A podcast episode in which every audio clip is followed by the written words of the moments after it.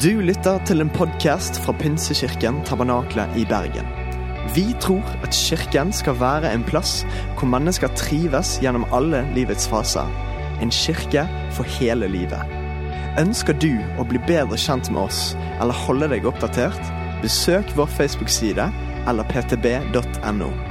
Her er ukens tale. Ok, du kan eh, finne plassen din igjen. I dag er en stor dag. I dag er første dag på fem og en halv måned at jeg har vokst i håret. Ja, jeg gjorde det for dere. Jeg tenkte jeg skulle se presentabel ut, for dere fortjener det beste. Har derimot ikke fått noen kommentarer om at det ser bra ut. Og uh, dette er den beste måten å hente inn de kommentarene på, faktisk. Jeg anbefaler å utnytte den anledningen.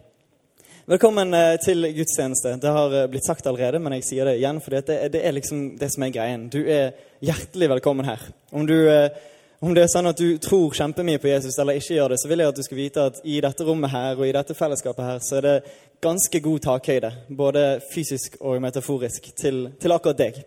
Og velkommen til Bergen og til Pinsekirken. Hvis, hvis, du er en av de som liksom, du har gått i kirke hele livet, du kan greien, og du er ny i byen, og du ønsker å finne deg et sted å være, så velkommen til Pinsekirken. Som Sandra sier, som egentlig hele kirken her sier, du er hjertelig velkommen. Men jeg har lyst til å utfordre deg litt tydelig til å For hvis du har vært her noen uker nå, så har du kanskje skjønt dilemmaet av Bergen. At her er det mange fine kirker. Det er mange fine folk, det er mange fine fellesskap å være en del av. Og Min utfordring til deg det er at du setter deg en frist som sier at innen denne datoen her så skal jeg lande hvor jeg har lyst til å plante meg. Det, er så mye syndere for deg å plante deg i et fellesskap istedenfor å hoppe fra gudstjeneste til gudstjeneste. Og Det er en utrolig vanskelig ting å gjøre i Bergen, for det er så mange fine folk. Men jeg anbefaler deg å gjøre det. Er det en deal?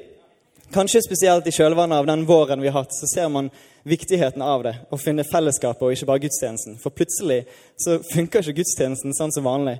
Og det å da sitte igjen med bare noe på skjermen, og ikke gjengen som er der for å heie på deg, for å be med deg, for å snakke sammen med deg, det hadde jo vært veldig sørgelig. Hadde ikke det? ja? Sant? Ja, ok. Nydelig. Og i kjølvannet av en særdeles annerledes vår, der rytmen av gudstjenester brast, så kjente jeg den liksom avsløringen i mitt eget liv av hvor mye jeg lente meg på gudstjenesten alene, og ikke på min egen relasjon med Gud. Og Det er en ganske sånn her brutal avsløring for min egen del.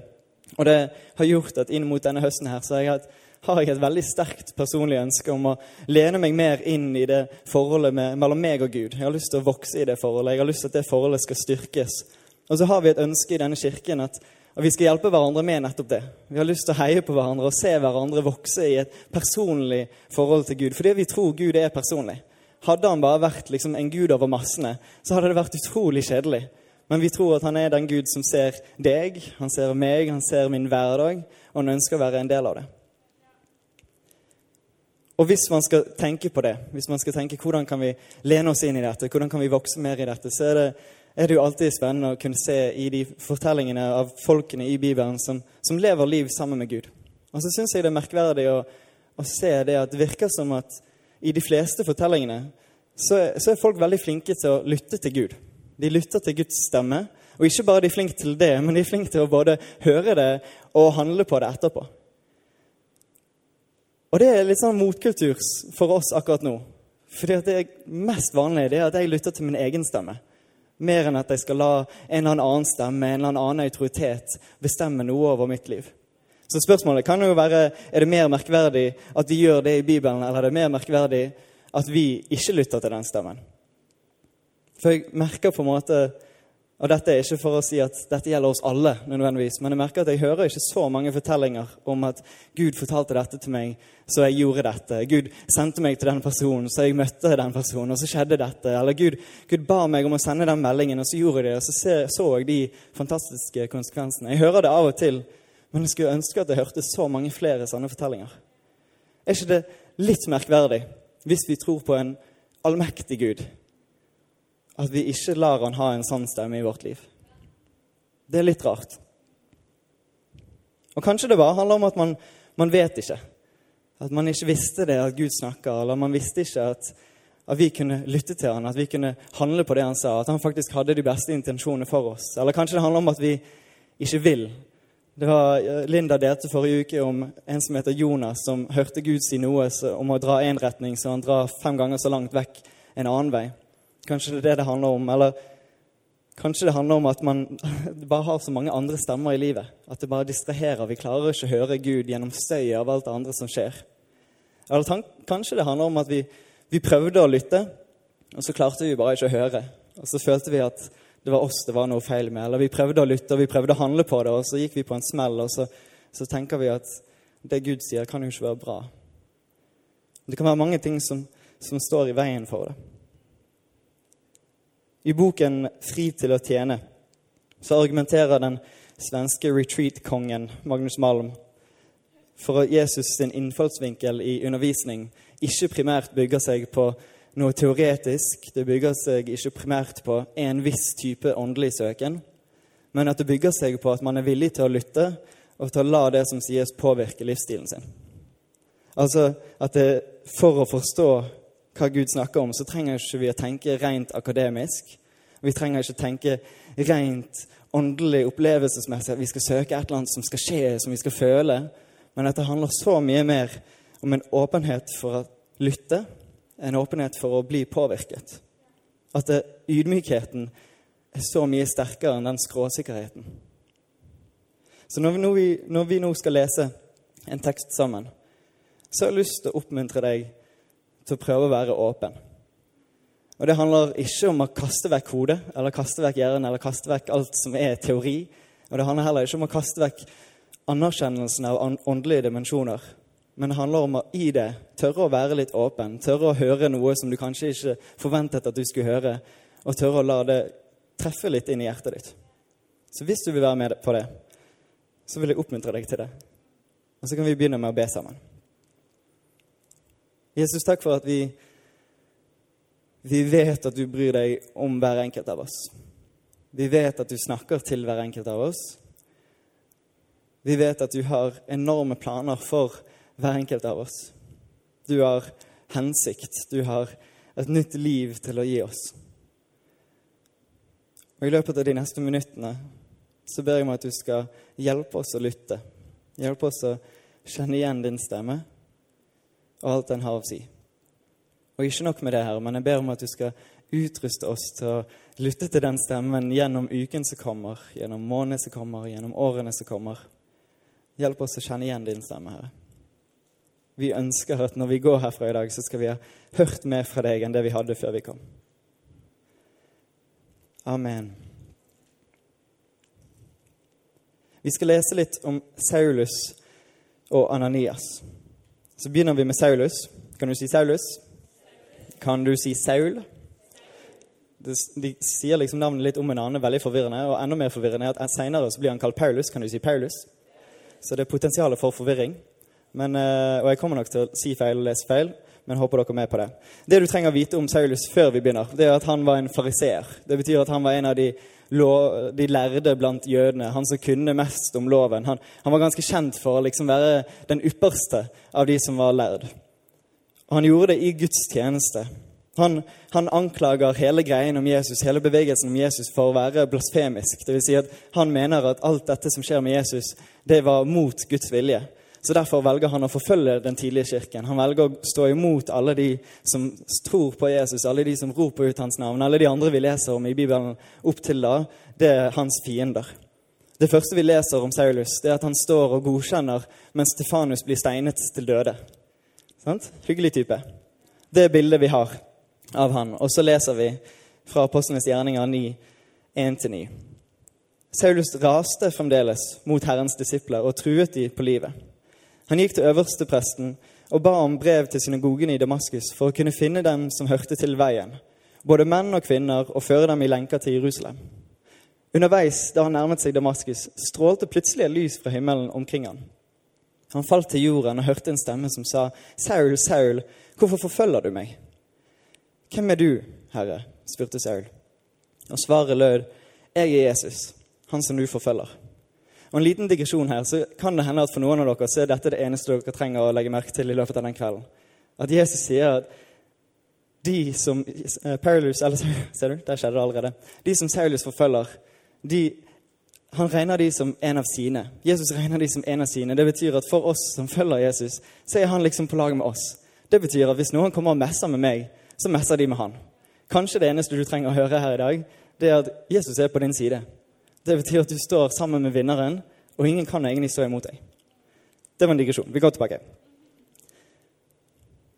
Jeg er Jesus, han som du forfølger. Men reis deg nå og gå inn i byen. Der vil noen si deg hva du skal gjøre. Mennene som fulgte ham, sto målløse. De hørte stemmen, men så ingen. Saulus reiste seg og åpnet øynene, men han kunne ikke se. Så de tok han i hånden og leide han inn til Damaskus. I tre dager var han uten syn og verken spiste eller drakk. Denne historien er egentlig ganske enorm. Hvis du er det minste vant til å være i kirke, så har du garantert hørt om han som senere kalles Paulus, eh, flere ganger. Og det gjør at man med en gang tenker sånn Hei, jeg har hørt denne historien før. Men vi må prøve å innse hvor enormt vendepunkt dette her er. Ikke bare for Saulus sitt liv, men for hele kirken for hele den kristne historien. Det overordnede og åpenbare plottet handler om Guds nåde for Saulus. Men vi kommer tilbake til det etterpå. Så vil jeg stille spørsmål til hva er det egentlig Saulus driver med. For han er jo den ypperste av de loviske. Han er den som vet mest om hvordan Gud funker, hvordan loven funker, hvordan Gud prøver å skape hans rike på denne jord. Han ønsker å ære Gud, han ønsker å tjene Gud, han ønsker å gjøre Guds vilje. og Det er jo derfor han dro av gårde til Damaskus i utgangspunktet. fordi han, han, så liksom dette her kan jo ikke være rett. Jeg må sette en stopper for det. Han ønsker å ære Gud. Og for oss så virker det jo helt banalt, fordi han går jo imot Kirken. Men i, i Saulus sitt hode så er det liksom Dette er jo feil. Dette med Jesus. Jeg må stå imot det. Han ønsker å ære Gud, men det virker som at han glemmer å lytte til Gud. Og Jeg tror ikke, jeg tror ikke han var interessert i å lytte. Han var jo, han var jo liksom toppakademikeren. Han visste greien, han kunne greien. Han, han trengte jo ikke lytte til hva Gud ville si, fordi han visste det allerede. Kanskje det var det som var tanken. Han var utdannet til randen. Kanskje han var mer opptatt av statuset av å være den øverste fariseer enn han var opptatt av å egentlig lytte til hva Gud faktisk ville. Og Det kan gjerne antas at han var flittig til å be. Det var ganske sterke tradisjoner blant de jødiske til å meditere. Eh, og det var en, en vanlig greie, f.eks. Eh, vi leser om en fortelling i, i Esekiel, en av profetene i den eldre halvdelen av Bibelen. Så leser vi en fortelling om profeten Esekiel som får et syn, han får en visjon når han sitter på en elvebenk, der han plutselig ser noen merkelige vesen som bærer en trone, og så er det lys, og så er det skikkelse på tronen, og så er det flammer, og så er det mye spennende greier. Og så konkluderer Esekiel med det at han, han, tror at han fikk se noe som lignet på Guds herlighet. Ganske ydmykt sagt når du ser sånne merkelige, svære greier. Men han, han, fikk se noe som lignet på Guds herlighet. Og Dette var en kjent historie for de fleste jødene, og spesielt for Paulus. Og Det var en vanlig greie at man mediterte over dette. Man prøvde å se for seg det samme som Esekiel så. Man ser for seg tronen, man ser for seg skikkelsen på tronen, i håp om at kanskje Gud skulle dra, dra deg òg inn i denne visjonen. At du skulle få oppleve og se litt av Guds herlighet. Og Det var spesielt vanlig å gjøre det når man var på sånne lange reiser, sånn som Paulus var her. Saulus. Mellom Jerusalem og Damaskus. Og Dette er jo bare gjetning fra en hel haug bibelforskere. Men sannsynligheten er der for at Saulus faktisk gikk og mediterte på akkurat dette. At han prøvde å se for seg denne visjonen, at han prøvde å dras inn i det. At han hadde et ønske om å få den åndelige opplevelsen av å møte Gud på den måten. Og så kommer overraskelsen når det skjer, når han blir slått over ende av et mektig lys. Og så er det Jesus han ser, og ikke denne merkelige skikkelsen som han trodde. Og i det øyeblikket så snus alt opp ned for Saulus. Og Jeg kan ikke tenke meg det sammensuriet av tanker og følelser som han må ha vært for. Det, det må ha vært en sånn skrekkslagen fryd over å se Jesus og se Gud, men samtidig skammen over å skjønne det plutselig i det øyeblikket. At her har jeg gått hele veien og trodd at jeg gjorde Guds vilje, og så innser jeg plutselig at jeg har gått helt imot han. Han får beskjed at det han trodde han gjorde for Gud, gjorde han mot Gud. At han hadde forfølgt Jesus. Han trodde han gjorde det riktige, han trodde han gjorde det som ærte Gud. Og så har han bommet helt fullstendig. I et øyeblikk så skjønner han at alt han har lært, det var blitt oppfylt, men alt han har lært, blir snudd på hodet likevel. Alt han har lært om en redningsmann, en Messias som skulle komme. Han skjønner at det har skjedd, Og så skjønner han samtidig at alt skjedde på en annen måte enn han trodde. Det skjedde ved at Gud kom nær som menneske. Jeg klarer liksom ikke å se det for meg, egentlig, men det må ha vært et enormt dramatisk øyeblikk for Saulus. Alt han har bygget livet sitt på, snus helt på hodet. Saulus har viet hele livet til Guds vilje, men han har blitt så opptatt av å gjøre det han trodde Gud ville, at han ikke klarte å se eller lytte til det Gud faktisk allerede gjorde rett foran ham. Og det var Saulus. Og vi hører mer om hva som skjer når vi skal lese videre noe om Ananias. Kan du si Ananias? Dette er ikke den Ananias som dør litt tidligere i Apostlenes gjerninger. Dette er en annen Ananias. Kan du si Ananias en gang til? Det du trenger å vite om Ananias, er at vi vet ingenting om Ananias. Verken før eller etter denne hendelsen. Han er, han er totalt anonym. Men hans mystiske side gjør ikke han nødvendigvis til noe mindre av en helt og et forbilde. For det har jo blitt sagt It's not who I am underneath, but what I do that defines me. Og så kan man jo argumentere at uh, gjennom å se hva Ananias gjør, så ser vi noe av hvem han er under det òg. Men vi leser Apostlenes gjerninger 9, 10-19. I Damaskus bodde en disippel som het Ananias. I et syn sa Herren til han, 'Ananias.' Og han svarte, 'Her er jeg, Herre.' Og Herren sa, 'Gå bort i den gaten som kalles Den rette, og i huset til Judas skal du spørre etter Saulus fra Tarsos.' For se, han ber. Og han har hatt et syn og sett en mann som heter Ananias, komme og legge hendene på han, så han får synet igjen. Men Ananias svarte, 'Herre, jeg har hørt mange fortelle om denne mannen og alt det onde han har gjort mot dine hellige i Jerusalem.' Og nå er han her med fullmakt over, fra overprestene for å legge i lenker alle som påkaller ditt navn. Men Herren sa til han, gå, for jeg har utvalgt han som mitt redskap til å bære mitt navn frem for hedningfolk og konger og for Israels folk. Og jeg skal vise han alt han må lide for mitt navns skyld. Da gikk Ananias, og han kom inn i huset, la hendene på han og sa, Saul, min bror, Herren selv, Jesus, som viste seg for deg på veien hit, han har sendt meg for at du skal få syne igjen og bli fulgt av Den hellige ånd. Straks var det som om skjell falt fra øynene hans, og han kunne se. Han sto opp og ble døpt, så spiste han og kom til krefter. I helheten av denne fortellingen igjen så ser vi et overordnet og åpenbart plott om Guds nåde for Saulus. Men i bakgrunnen av det så ser vi tendensen til hvilken enorm nåde som må ha blitt vist til Ananias. For I utgangspunktet så er det merkelig at han er i byen i det hele tatt. Han og alle andre kristne, Det var tydelig at ryktene hadde spredt seg om at Saulus var på vei. Ryktene hadde spredt seg om denne mannen som har fullmakt, denne mannen som har ganske mye autoritet til å kaste folk i lenker, kaste dem i fengsel, se på når de blir steinet. Han var på vei. Det hadde vært veldig naturlig om Ananias hadde flyktet fra byen. Men han hadde ikke det. Og Det er en ganske spennende samtale vi ser. fordi Vi ser at Gud påpeker i samtalen eh, Saulus ber. Som om Gud prøver å liksom si fra sånn Han har kommet til meg allerede. Han ber. Så bare sånn, Vær trygg på det. Og, og, jeg har til og med gitt han en heads up på at du kommer. Men så virker ikke Ananias å være helt overbevist og, og spør tilbake til Gud er, er du helt sikker på dette. Vet du hvem dette er? Jeg syns det er veldig fint at man faktisk ser en sann type samtale. Samtalen om, eller Handlingen av å lytte til Gud handler ikke bare om å høre imperativene fra Gud som sier 'gjør dette', men det er lov til å være en samtale der.